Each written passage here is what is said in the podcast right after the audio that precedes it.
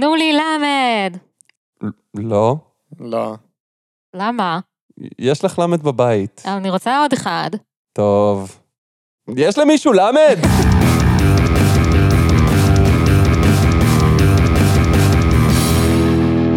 שלום לכולם, אני גל, איתי נמצאים חגי היי, וליבי. היי. למזק, למה זה קיים? המקום בו אנחנו שואלים את השאלה שהיא השם שלנו, והפעם, אתרי סיפורים.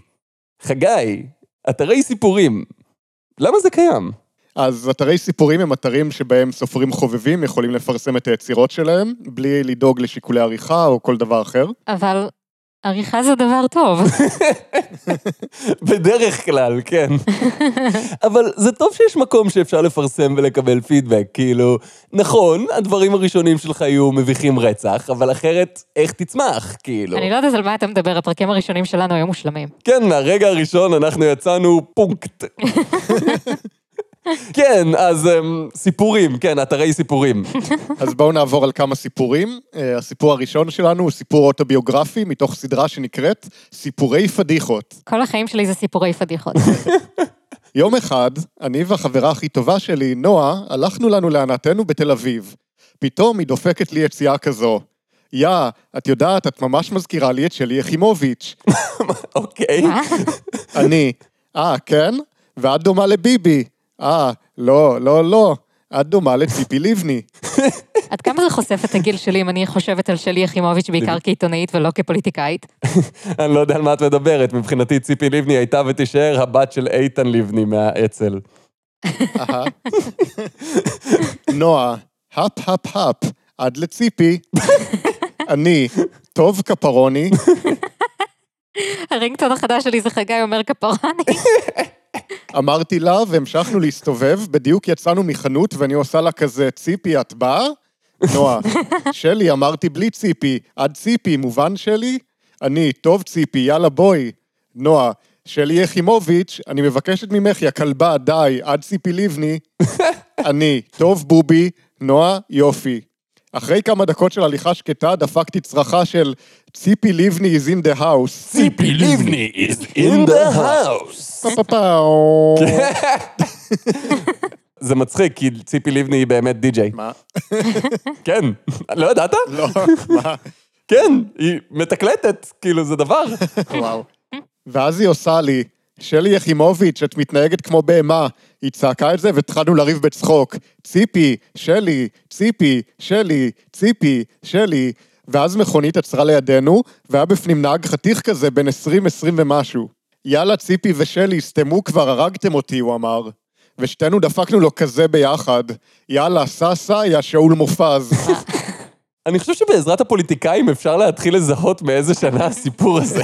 המפלגה הזאת הייתה קיימת לשתי קדנציות, וזאת לשלוש, והקדנציה היא חצי שנה, אז בעצם מדובר פה על ה-35 בינואר. 35 בינואר גל? אמ, כן, זה היום הולדת שלי, ה-35 בינואר. ואז הוא הסתכל עלינו בשוק, והיה ירוק, והוא נסע, ואז הסתכלתי מסביב, וראיתי שכל הבתי קפה וכל רוטשילד מסתכל עלינו וצוחק, ואז חבורת בנים חתיכים עצרו לידינו ואמרו, אחי, עכשיו אני יודע בוודאות שבלונדיניות הן סתומות. נועה, מה זה? יש לך מזל שאתה חתיך, אם לא הייתי יוצאת עליך עכשיו. אחד הבנים, את הרגע אמרת לו שהוא חתיך? הוא שאל בחוסר הבנה. אני, כן, נועה, ממי, את הרגע אמרת לו שהוא חתיך? נועה, נו כן, את יודעת שאני לא שולטת בזה, מילים פשוט יוצאות לי מהפה, היא אמרה בקול חמוד, והם צחקו. בקיצר, מכל זה יצא שאני ונועה, חברה שלי, מחליפות טלפונים עם הבנים, וכל זה בזכות שלי יחימוביץ' וציפי לבני. אבל אם יש משהו אחד שאני לוקח מהסיפור הזה, זה שמתישהו, איכשהו, פוליטיקאים כן תרמו לאזרח הקטן. אני חושבת שהסיפור הזה מזקק את המהות של להיות בת 15. כאילו, לא כשאני הייתי בת 15. כשאני הייתי בת 15, היו לי את השתי חברות שלי, וישבנו סגורות בחדר והתלוננו על העולם. ממש לא החלפתי טלפונים עם בנים, אם כי גם אני הייתי משוכנעת שכולם מסתכלים עליי. כאילו, אני תמיד מרגיש שאני לא כזה זקן, ובסך הכל אני עדיין מרגיש צעיר וזה, אבל אז אני שומע טקסטים כאלה. ופתאום אני מתמלא צורך עז לשבת במרפסת ולצעוק על הילדים שמשחקים ברחוב שיהיו בשקט, פושטקים. אני לא יודעת מה הבעיה, מאז שאני בת חמש אני צועקת אליהם שיהיו בשקט הפושטקים. שמע, אבל יש גם יתרונות ללהיות מבוגר. כמו הנחות באוטובוס לאזרח ותיק. אה, זה תלוי בגיל? אני תמיד חשבתי שמגיע לי את ההנחה כי יש לי ילקוט. כי אזרח ותיק, גל, כן. אני מאוכזבת. אז אמ, חגי, מה היתרונות של אה, להיות מבוגר בעצם? בתור התחלה אנחנו אנשים הרבה יותר אותנטיים, לפחות לפי השירים שבני נוער כותבים על כמה שהדור שלהם גרוע בהשוואה אלינו. כמו למשל בשיר דור דיגיטלי. אהה, אנחנו דור דיגיטלי, האינטרנט זה עולמנו, הווירטואלי הפך לריאלי, אנחנו דור דיגיטלי. בהשוואה לאביב גפן שאמר שאנחנו דור מזוין, אני דווקא רואה מגמת שיפור. אנחנו דור דיגיטלי! עכשיו וירטואלי. אל תיתן לו רעיונות. פייסבוק, וואטסאפ, אינסטגרם ופאנרן, אנחנו דור דיגיטלי. מה זה פאנרן? גל ממש חושף את הגיל שלו, אה? זה משחק לטלפון, יש משחקים לטלפון? כן? זה תעשייה של עשרות מיליארדי דולרים. אה, אה, טלפון. זה כמו מדורות עשן כזה, לא? וואו, גל ממש חושף את הגיל שלו. כרגע הבנתי שאני לא בטוח שאני יודע בין כמה גל בעצם, וזה קצת מתחיל להפחיד אותי. עזוב, נו, מה מה זה משנה? כן. החיוך נהיה לסמיילי, הרגשות והמחשבות לסטטוס, אנחנו דור דיגיטלי. אני די בטוחה שמאז זה גם הפך לאימוג'י. היה גם אמוטיקונים בדרך, אני לא יודע אם זה בא והלך מתישהו. אין יותר יומן, יש רק בלוג. אין יותר שיחות, יש רק הודעות. אני די בטוח שעדיין יש יומנים ושיחות. אבל בלוגים לעומת זאת. כל היום פאנרן משחקים בפנן, ובטוויטר מפרסמים עוד ציוץ. אני מרגיש פה איבה מאוד מסוימת ספציפית לפאנרן. כן, איך אנשים מעיזים לשחק בפנן. בדור שלי כולם שיחקו בפאניקה. אנחנו דור דיגיטלי, אז אולי הגיע הזמן לעזוב את הסמארטפון ולגלות מחדש את המציאות. אבל המציאות לא משהו. כן, אני חייב להודות שעד עכשיו, כל פעם שניסיתי להיות מחובר למציאות, זה היה די מאכזב סך הכל. אז אם אהבתם את זה, יש גם סיפור דומה שנקרא "אני לא אשכח את הילדות אצלנו בשכונה", שנכתב על ידי נער בן 15. אני אישית לא אשכח את הילדות שלי כשהייתי ממש צעיר. למשל, כששיחקתי בארגז החול ביסודי, או כששיחקתי תופסת עם החברים מהכיתה, או כשהייתי בהרבה מקומות בילוי ונהניתי, ועוד דוגמאות. בשביל מישהו שאמר שהוא אישית לא ישכח את הילדות שלו, הרשימה הזאת נגמרה די מהר. בקיצור, הילדות היא ממש יפה וכדאי לנצל אותה. כמו בנייקי. וואו. איך? תקשיבו לשירים, במיוחד שירים לקטנים או שירים עם מנגינה נעימה או שירים על תקופות ישנות. שחקו, בין אם זה משחק קלפים, קופסה, חברה, אבל לא מחשב. רק פאקמן וטטריס הם בסדר. פאקמן וטטריס? אני זוכר שהמציאו את המשחק של להרים אבן ולהסתכל עליה. זה, זה היה משחק. גל, כן. בן כמה אתה שוב? מה, מה זה חשוב? אני צעיר ברוחי, אני מכיר את כל האמנים עכשיו של הצעירים, כמו שוברט ובאך, וההוא שמצייר גרפיטי של הכף יד שלו בקירות של המערות השוות של הצעירים. אז לשם הקונטקסט, אתה חושב שלישון במערות זה רעיון חדש. ומצוין! את יודעת כמה היה לא נוח לפני זה בגשם? תדפדפו באלבומים ותיזכרו בפעם. תראו תוכניות לקטנים כשההורים לא בבית, תשמרו על ילדים קטנים ושחקו איתם, ועוד. אם אתם צריכים לחכות שההורים לא יהיו בבית, הילדות שלכם עדיין בעיצומה, חברים. אז אני אישית זוכר ששיחקתי בארגז החול עם מישהו מכיתה אחרת, פשוט התלהבתי לשחק בחול, עד היום. מה שמזכיר לי, אם אתם צריכים דחפור אנושי, אז הנה אני. הייתי ממש טוב בלחפור בחול, ועשיתי זאת ממש מהר. ומבזק חדשות מיוחד, עיריות ברחבי גוש דן מדווחות על האצה משמעותית בלוח הזמנים של הרכבת הקלה. הלאה, אני זוכר גם, זה לא ממש מהעבר, אך זה לפני שישה חודשים ומעלה, סביר. ששיחקתי משחק קלפים מסוים בפעם הראשונה נגד אחת מהילדות בכיתה. אך, זוכרים את הימים הישנים וטובים. אני חושב שזה היה פברואר? וממש אהבתי לשחק, בלי קשר למנצח, פשוט לשחק קלפים, הם משחק טוב לנשמה ולילדות. אה, הילדות. לפני שישה חודשים הוא היה בכיתה. בעצם אני חושב שזה מספיק כדי שתבינו. אז קדימה, כתבו בתגובות זיכרונות ילדות טובים שלכם, תיכנסו לעברכם, תתעשרו ותשמחו. אני כל כך מתגעגע, איזה דור, לו רק יכולתי, יכולתי לחזור. מי לא אוהב לקפוץ בשלוליות, או לשחק בשלג, או לקפוץ על עלים, או לשחק בחול? אני... בסוגריים, מעטים ביותר. אם רק יכולתי, הייתי חוזר לגיל חמש. טוב, אמנם הגוף שלי לא יכול להיות כמו בן חמש, אך ההתנהגות שלי יכולה. לכן אני לפעמים מתנהג באופן ילדותי, כדי לשמוח ולזכור שאני יכול להיות ילד בכל זמן רצוי. אף פעם לא הרגשתי זקנה כמו ששמעתי בן נוער מלמד בני נוער אחרים איך לשמור על חדוות החיים הילדותית שלהם. כאילו קוראים לזה גיל ההתבגרות, הגוף שלך עובר שינויים, לא עשו לכם את השיעור הזה בבית ספר. אבל מה אם השיא של החיים שלו באמת היה קצת אחרי גיל ארבע? אז המשך החיים שלו הולך להיות ממש מבאס. כאילו, אני לא יודע כמה מיליוני שנים אני הייתי שורד ככה. רגע, מה? פרק זה מוגש לכם בחסות עריכה. עריכה! זה הכי ש... אה, סורי, סורי, טעות שלי מההתחלה. וחוץ מבני נוער שמנסים להישמע מבוגרים, יש באתרים האלה גם מבוגרים שנשמעים כמו זקנים נרגנים. אוקיי. כן. כמו בסיפור הזה שמצאתי בקטגוריית סיפורים מצחיקים. שמהניסיון שלי בלמזק, ברוב המקרים אני לא אחשוב שזה מצחיק, ובחלק מהמקרים אני אפילו לא אחשוב שזה סיפור. ביקור במסעדת דוסה, אוכל הודי. לבן שלי יש יום הולדת, הזדמנות נהדרת למפגש אינטימי מלא משקעים וזיכרונות. אם אתה במשפחה הנכונה, כל מפגש משפחתי הוא מלא משקעים.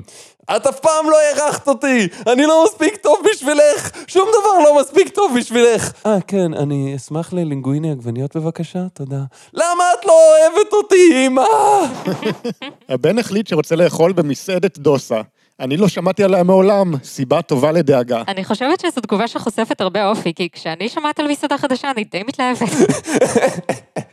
אני צרכן של מסעדות, לא אומר שהייתי בכולן, אבל יכולתי לקנות דירה נוספת במקום. כן, אבל בהצלחה עם המשכנתה. כאילו, אני לא חושב שבנקים נותנים הלוואות ככה סתם לרכישת טאפס. כשאמר לי שהאוכל הודי, אמרתי לו, רגע, זה לקח יומיים עד שאישרתי את האירוע. הנה עוד אירוע הקרבה של גופי למען המשפחה. וואו. אני חושב שזה זמן טוב לומר שבמקרה יצא, וכאילו היינו שלושתנו ביחד במקום הזה פעם. זה מקום קטן כזה בבן יהודה, בתל אביב, כאילו כמה שולחנות בר וזהו. האוכל היה די בסדר, כאילו טעים, אבל לא משהו מטורף. בסך הכל מקום רגיל תל אביבי כזה. כן, אבל היו סבבה, אני בטח לא קוראת לזה להקריב את גופי, אכלנו שם כמה פעמים. הגענו למקום שהבן קרא לו מסעדה.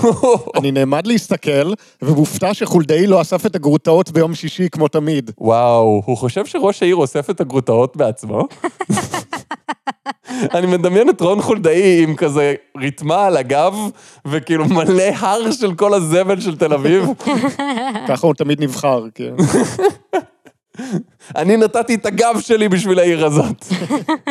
ערימה של חפצים שאיש לא רוצה אותם, כיסאות בצבעים שונים, מעץ, מפלסטיק, מברזל, מקוקוס, הרבה קוקוס, שולחנות גבוהים, נמוכים, רק לייסטים, הכל הולך. אז רק לסכם את הביקורת שלו עד כה, לא כל הכיסאות היו בעיצוב אחיד, משמע מילולית זבל הכל הפח, למה העירייה לא פינתה את זה כבר.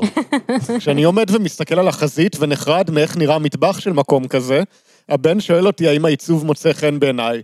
שאלתי אותו, יש אסלה שממנה אוכלים בפנים? או, וואו, איך הכנסת להם. הבן לרוב לא אוהב את חוש ההומור שלי. אה, מעניין למה. בגלל זה עובד בהייטק. רגע, זה אומר שגם אני יכולה לעבוד בהייטק? אה, אם המדד הוא לא לאהוב את חוש ההומור של הבן אדם הזה, אז אני מניח שכן. וואו, מזל, חשבתי שצריך לדעת לתכנת או משהו. אני לא הייתי בהודו אף פעם, אני לא אכלתי אוכל הודי אף פעם, רק לראות את האין סוף בודהים שמנים שיושבים בכל פינה פנויה, הייתי פעם בוותיקן, בכל מקום היה שם איזה שחיף לא מגולח אחד שמראה את הבית צ'כי שלו. בגלל זה לא אכלתי אוכל הודי, בגלל בודה השמן. אני חושב שאני שונא אוכל הודי, אבל זה יום הולדת. כמו שאומר הפתגם, עד שלא ניסית, תשנא את זה.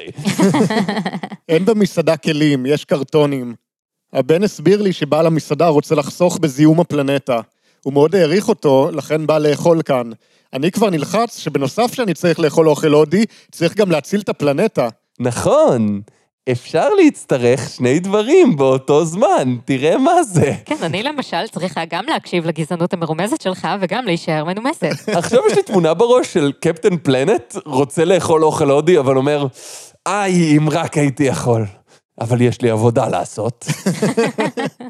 קרטון, לאכול ממנו, מגעיל, יום הולדת. הבנתי שאני והפלנטה לא נהיה חברים. אני רק אומרת מראש שאם צריך לבחור, אז אני בצד של הפלנטה. נעשה קו כזה, כמו שמחלקים את השולחן בבית ספר לשניים. תפריט מקושקש על ידי כמה ילדים עם הפרעת קשב, שהאימא לא נותנת ריטלין מסיבות אידיאולוגיות, מונח לפניי ולפני הבן. כן, חה-חה, איזה מצחיק זה שיש אנשים עם בעיות שהם צריכים להתמודד איתן. ואז אימא שלהם לא בהכרח מוכנה לקפוץ ישר לכדור, שיכול להועיל במצבים מסוימים, אבל יש איתו גם הרבה בעיות. לא בדקתי אגב, אבל אני די מניח שבשלב הזה האוניברסיטאות כבר כנראה התחילו לשים במכונות שתייה שלהם פחיות מלאות בכדורי ריטלין מהשוק השחור בלי מרשם. חשבתי שזה בא עם המכתב קבלה. האמת, עשיתי ניסיון לקרוא. סחטיין עליך, באת עם ראש פתוח, עשית ניסיון לבדוק מה יש בתפריט. אני לא יודעת, אני הייתי במסעדה הזאת וזה לא אתגר אותי עד כדי כך. אבל מיד אחרי זה ביקשתי מהבן להזמין עבורי חזה עוף, כי לא הבאתי משקפיים. המלצרית החמודה שעמדה לידינו התפרצה בצחוק היסטרי וצעקה עליי בנחמדות שזאת מסעדה טבעונית. טיפשון. זו דרך מאוד פואטית להאשים אותה בזה שאתה לא יודע לאן הגעת. חשבתי שכדאי אולי שאזמין מה שהיא אכלה, כי מצב רוח כזה אין לי כבר מאז מלחמת יום כיפור. אז אה, לא חשוב. וואו, פרופורציות. יום הולדת. המסטולית, וואו. וואו. שקרא לעצמה מלצרית, הגיעה עם בלינצ'ס ענק נוקשה, שנקרא דוסה. זה מאכל, קוראים לו דוסה. למקום קוראים דוסה בר. כמה יותר ברור מזה אפשר להיות? וואי, זה מזכיר לי את הפעם הזו שהלכתי לרק בשר, ואז המלצרית הביאה לי מין כזה גוש חום אדום לא מזוהה, וכאילו ממש התעצבנתי מה זה אמור להיות. מה זאת אומרת זה היה פרה פעם? טוב, זה במסעדה הודית לא היה קורה. ברגע שהניחה אותו על השולחן, התחילה לבכות. הבן השתתף איתה בעצב האינסופי, בלי אור בקצה או בצד. אני חשבתי שיש צורך לאשפוז כפוי. הבן תמיד היה נשמה קדושה. וואו, מסטולה, אשפוז כפוי, נראה לי שהוא צריך להאזין לפרק שלנו על קבלת השונה. המסטולה הניחה את הבלינצ'ס על השולחן, והלכה תוך כדי פרץ עז של רגשות לא ממומשות. אם היא הייתה מממשת אותם, זה לא היה נגמר טוב בשבילך, חבר. הבן תקף את הבלינצ'ס מכל הכיוונים ועשה תנועה מוזרה עם היד. אני הייתי מלצרית הרבה פחות טובה ממנה, ככה שאני לא יודעת למה הוא החליט שהיא מסטולה, אבל אני שמחה שהוא לא היה לקוח שלי. אז שמתי לב שיש כמה צלוחיות מולקולריות מסביב לבלינצ'ס. למזלו, יש לו משקפיים באופטיקה חלל, מה?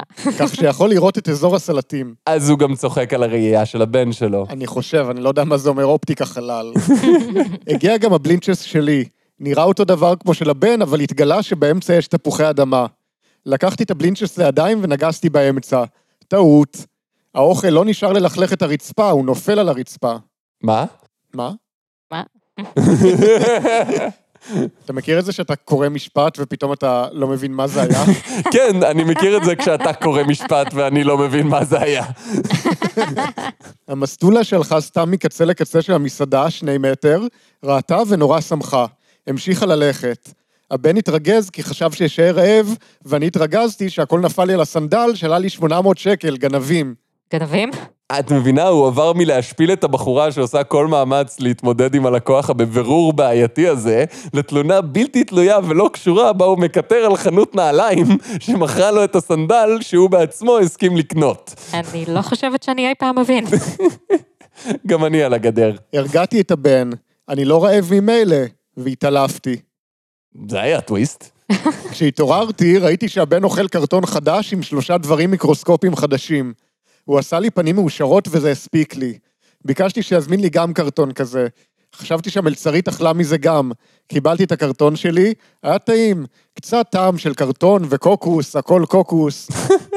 הבן שתה משקה מיוחד מקוקוס שנראה כמו המי רחצת כלים אצלי בבית. אבל הוא אהב את זה. אפילו הציע לי לטעום. ויתרתי, אמרתי שאני מלא. המלצרית המסטולית שוב צוחקת. זה טוב. שמחתי עבורה והזמנתי חשבון. חשבתי שאולי המצב רוח הטוב שלה ישתקף בחשבון. כשקיבלתי את החשבון היא עדיין צחקה ואני התחלתי לבכות. 100 שקלים לאיש עבור ארוחת קרטונים. 100 שקלים לאיש עבור ארוחה עם קינוח ושתייה במסעדה בתל אביב. זה נורמלי מאוד, זה אפילו יחסית נמוך. אולי, אם היית מסתכל בתפריט ובודק מה אתה מזמין, לא היית כל כך מופתע מהחשבון. הוא בדק, אבל זה היה בגרמנית ספרותית, אתה זוכר? כן, הגרמנית הזאת של ההודים. הבן, שלא אוהב לשלם חשבונות מכל סוג, צודק, שאל איך היה. אני עניתי משהו ברומנית, שלמרות שסידרתי לו דרכון רומני, לא יודע מילה אחת אפילו. הוא תרגם לעצמו שאני מבסוט. עכשיו רק נשאר להרים אותו 43 פעם. רגע, הבן שלו בן 42. וואו, זה משנה כלום. שום דבר בעצם. כאילו, זה מפתיע מאיך שהוא מדבר על הבן שלו, אבל אני מניח שבשביל אבא שלך אתה תמיד ילד. במיוחד אם אבא שלך מעדיף לרדת על כל העולם, רק לא חס וחלילה לנסות משהו חדש. ואמרת שזה היה בקטגוריית סיפורים מצחיקים. כן, צחקתם, לא? כן, אני מניח שיש הומור בסירוב המוחלט של הבן אדם הזה לשתף את הרגשות שלו, או לבקש להחליף מסעדה או משהו. הרבה יותר בריא לאגור יום שלם מרירות בטעם קארי. מרירות בטעם קארי. אז אוקיי, עד כה הסיפורים היו קצת פחות עלילתיים, וקצת יותר, הנה רצף מחשבות אקראי שלי. יש שם אולי סיפורים קצת יותר אה, סיפוריים באופי שלהם, כאילו, משהו שאפשר להרגיש שהכותב דמיין את זה, ולא פשוט העלה חתיכה מהיומן שלו. אה, ברור. יש למשל סדרה של סיפורי מדע בדיוני, או, על זה אני מדבר. על אדם בשם יוסף אבוטבול שנוסע בזמן ופותר בעיות. אוקיי. כמו בפרק, יוסף אבוטבול על גג אייפל בצרפת. אני די בטוח שלמגדל אייפל אין גג, זה יותר כזה נגמר בשפיץ, זה חלק מהקונספט של כל הקונסטרוקציה הזאת. וואו, לא חשבתי על זה בכלל. אולי הוא מאזן את עצמו ממש טוב כזה על האנטנה. שוויצר. הייתי על גג מגדל אייפל. ראיתי גבר שניסה לקפוץ ממנו, או במילים אחרות, להתאבד. זה או זה, או שהוא גיבור על, שמאזין לפשעים בעיר וקופץ לעזור, אבל אני מוכן לקבל גם את הערכת המצב שלך. ניגשתי אליו ואמרתי לו שקוראים לי יוסף אבוטבול, ולמה הוא רוצה לקפוץ. הוא אמר לי שקוראים לו ג'וזף. אני רואה שמגוון השמות שלו יצירתי. הוא נוצרי צרפתי, אבל צרפת הפכה להיות מוסלמית, ולכן הם רודפים אותו בגלל דתו.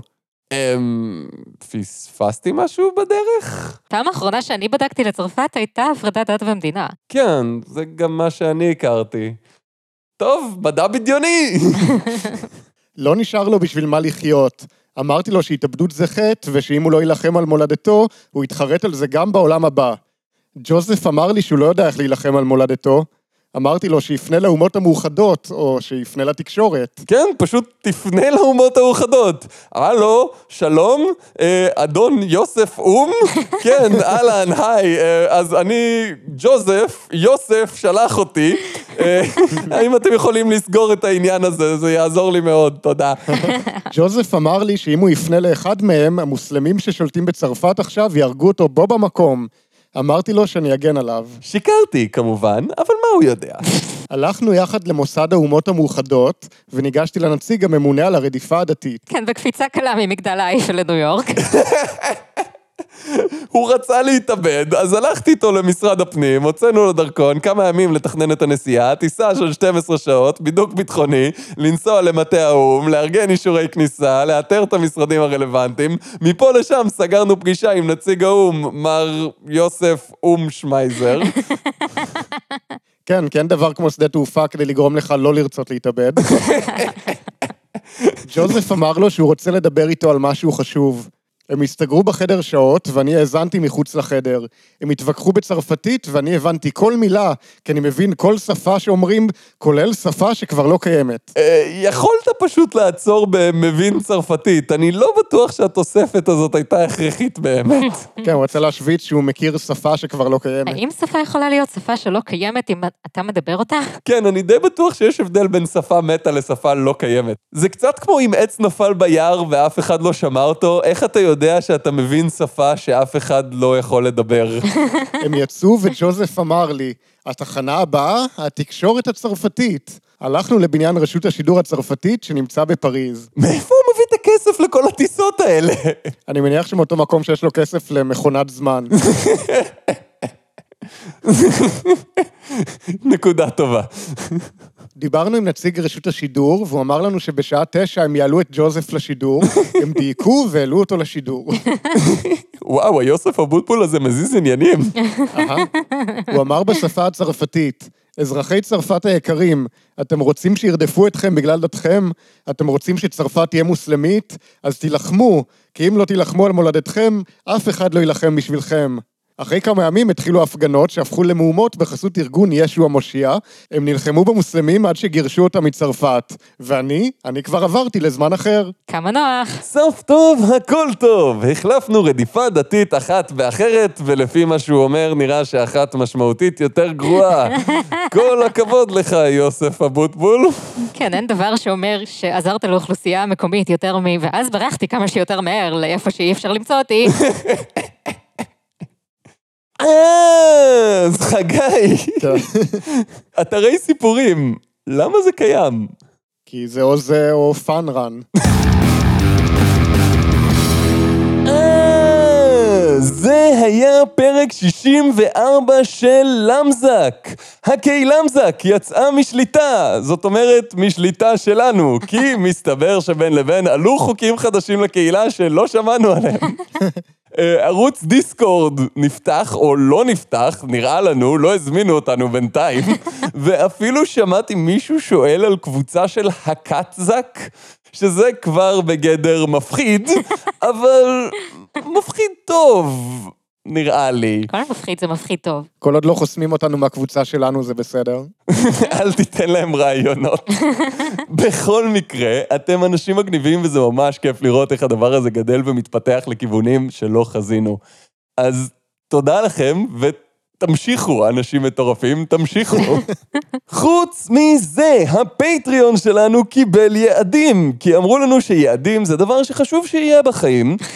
בפטריון שלנו אפשר להיכנס ולתמוך בפודקאסט באיזה סכום שתבחרו, לקבל בונוסים, והחל מהיום יש גם יעדים שתלויים באיזה סכום נגיע. אז אם אתם רוצים שנביך את עצמנו בצורות משעשעות, תיכנסו עכשיו ונגיע ליעד הבא. אני קצת מתרגש וקצת מפחד. אה, זה היה פרק 64 של למזק, בו למדנו שלא משנה כמה אתם לא מאמינים שאתם טובים מספיק עדיין, תפרסמו. ועכשיו, כי תגידו מה שתגידו, כל מי שדיברנו עליו היום עשה את הצעד והוציא את הדברים שלו לעולם, ולפחות על זה מגיע להם קרדיט. אז אמ, ביי! די. ביי.